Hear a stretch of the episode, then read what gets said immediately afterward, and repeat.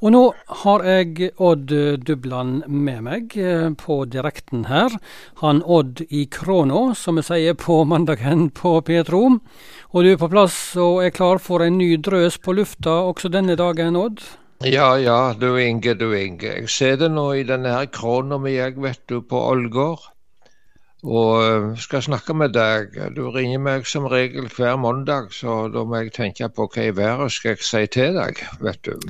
Ja, det er stadig eh, tema som er innom, og i dag så er det en spesiell dag. Det er gravferd for dronning Elisabeth 2. i England.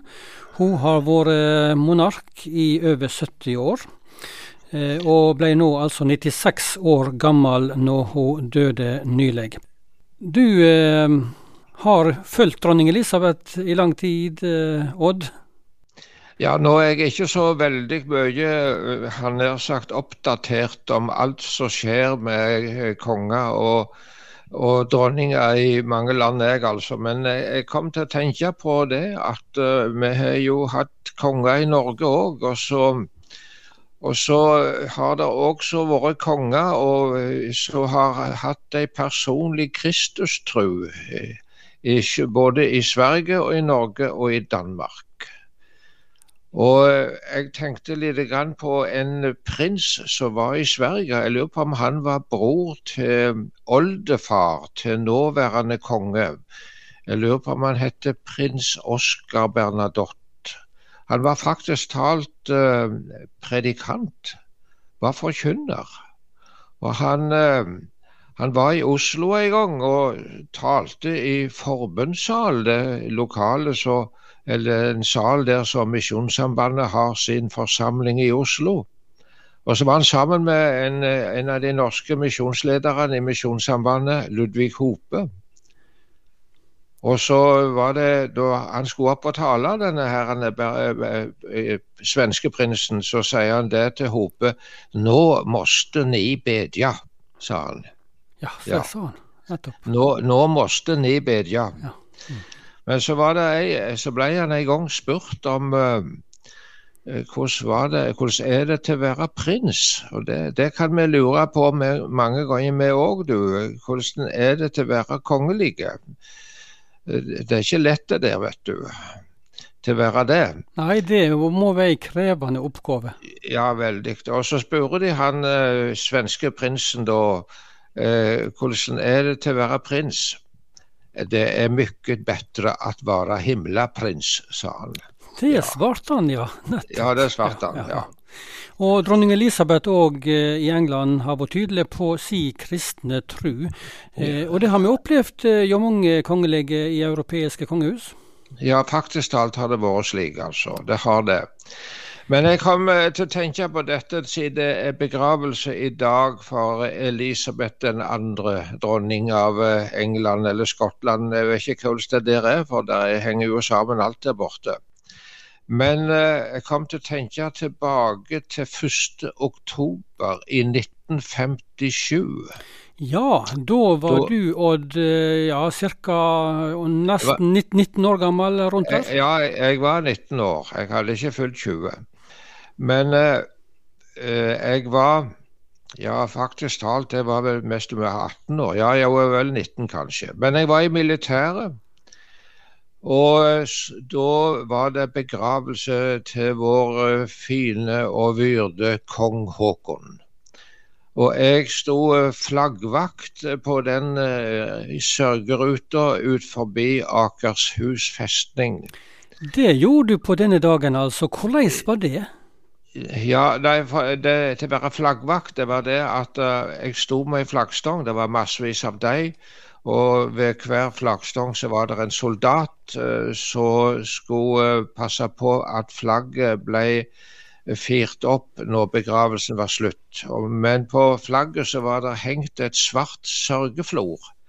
Slik at uh, når de ringte fra Akershus at begravelsen var slutt, så skulle vi fire ned flagget, ta av det sørgefloret og fire, heise flagget til topps igjen.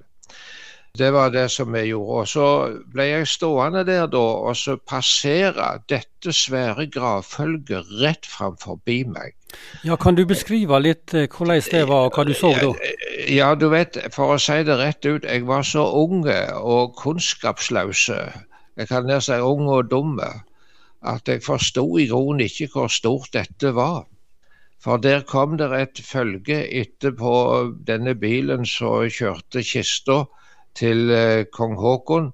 Etterpå der så kommer det altså fem konger. Det var først eh, kong Olav den femte, som da hadde rykt opp til å være konge i Norge. Og så var det kong Gustav Adolf den sjette av Sverige. Kong Fredrik den 9. av Danmark. Kong Bedouin av Belgia.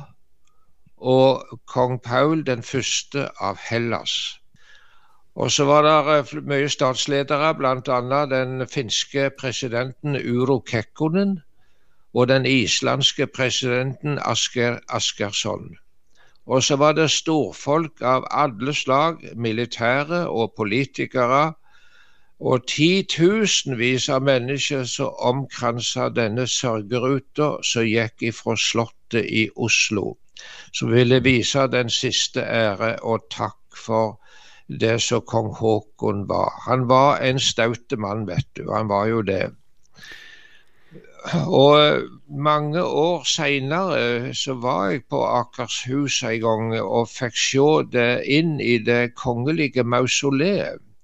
Der så sarkofagene, eller kistene til de kongelige er, altså. Og det er et rom med et stort gitter framfor så eh, der kan alle se inn. Og der er det en stor hvit sarkofag, eller kiste, til kong Haakon og dronning Maud.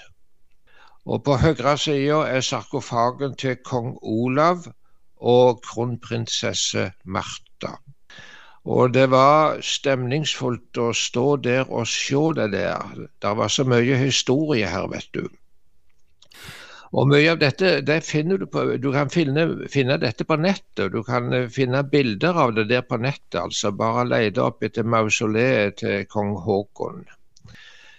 Nå er det slik at kongene i dag har en mer symbolsk makt. Vi har et demokrati der folk kan velge de som skal styre.